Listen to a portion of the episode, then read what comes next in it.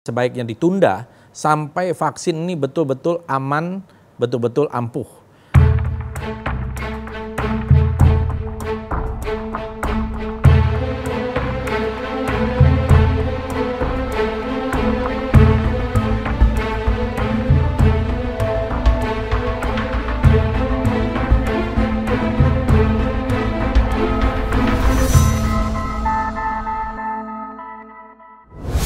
Assalamualaikum warahmatullahi wabarakatuh. Salam sejahtera. Saudara-saudara, beberapa waktu ini kita mendengar ada rencana pemerintah untuk menyuntikkan vaksin, yaitu pada bulan November. Saya kira ini adalah satu berita yang kalau vaksin itu benar, berita yang menggembirakan. Tetapi tentu masih banyak pertanyaan. Apakah yang mau disuntikan ini vaksin atau satu vaksin yang masih di dalam satu proses uji coba? Yaitu uji coba klinis tahap ketiga. Kita tidak ingin rakyat Indonesia menjadi kelinci percobaan, bahkan menjadi bebek percobaan gitu. Karena persoalan vaksin ini adalah persoalan yang sangat serius. Kita betul-betul menunggu, saya kira rakyat Indonesia bahkan di seluruh dunia menunggu vaksin yang betul-betul ampuh dan aman. Nah, ampuh dan aman inilah yang harus dijamin oleh pemerintah di negara mana pun, termasuk di Indonesia apakah vaksin yang akan disuntikan ini betul-betul vaksin yang sudah final atau masih uji klinis yang ketiga. Yang kedua, apakah vaksin ini betul-betul aman dan ampuh atau kita belum tahu hasilnya apa. Karena di beberapa negara, termasuk di negara Brazil, kita dengar sendiri beritanya bahwa Presiden Bolsonaro membatalkan pembelian vaksin. Begitu juga di beberapa negara lainnya. Nah ini menurut saya menjadi persoalan yang sangat serius yang harus segera dijawab oleh pemerintah.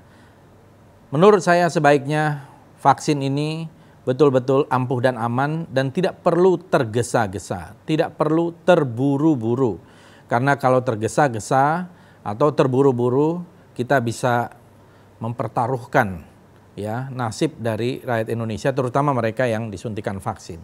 Saya kira ini yang menjadi sebuah concern bersama saat ini karena dulu pemerintah ya melalui Presiden Joko Widodo sudah menjanjikan vaksin merah putih.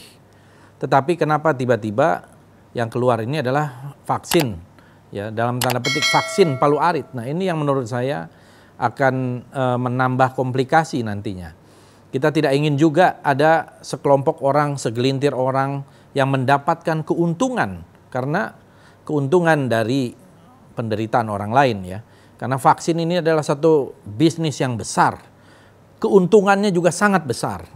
Nah, oleh karena itu sebaiknya ya menurut saya pemerintah dalam hal ini dan instansi-instansi terkait betul-betul fokus mencari orang-orang yang terbaik. Di Indonesia saya kira banyak sekali ahli-ahli, ahli-ahli virologi virus, ya, mungkin mikrobiologi dan sebagainya dari berbagai universitas. Saya tahu di Universitas Indonesia cukup banyak ahlinya dari Eijkman Institute dan lain-lain. Dan mereka sebetulnya mempunyai kemampuan asal didukung oleh pemerintah kita untuk membuat uh, prototipe vaksin dan vaksin sendiri dan bisa diproduksi oleh kita sendiri yang cocok. Karena belum tentu vaksin yang diuji coba di negara lain cocok dengan kita. Strainnya bisa saja berbeda dan seterusnya. Jadi ini kita berharap ya, saya termasuk yang uh, menghimbau kepada pemerintah sebaiknya ditunda sampai vaksin ini betul-betul aman, betul-betul ampuh. Dan jangan terburu-buru karena kita akan mempertaruhkan nasib rakyat Indonesia. Terima kasih. Wassalamualaikum warahmatullahi wabarakatuh.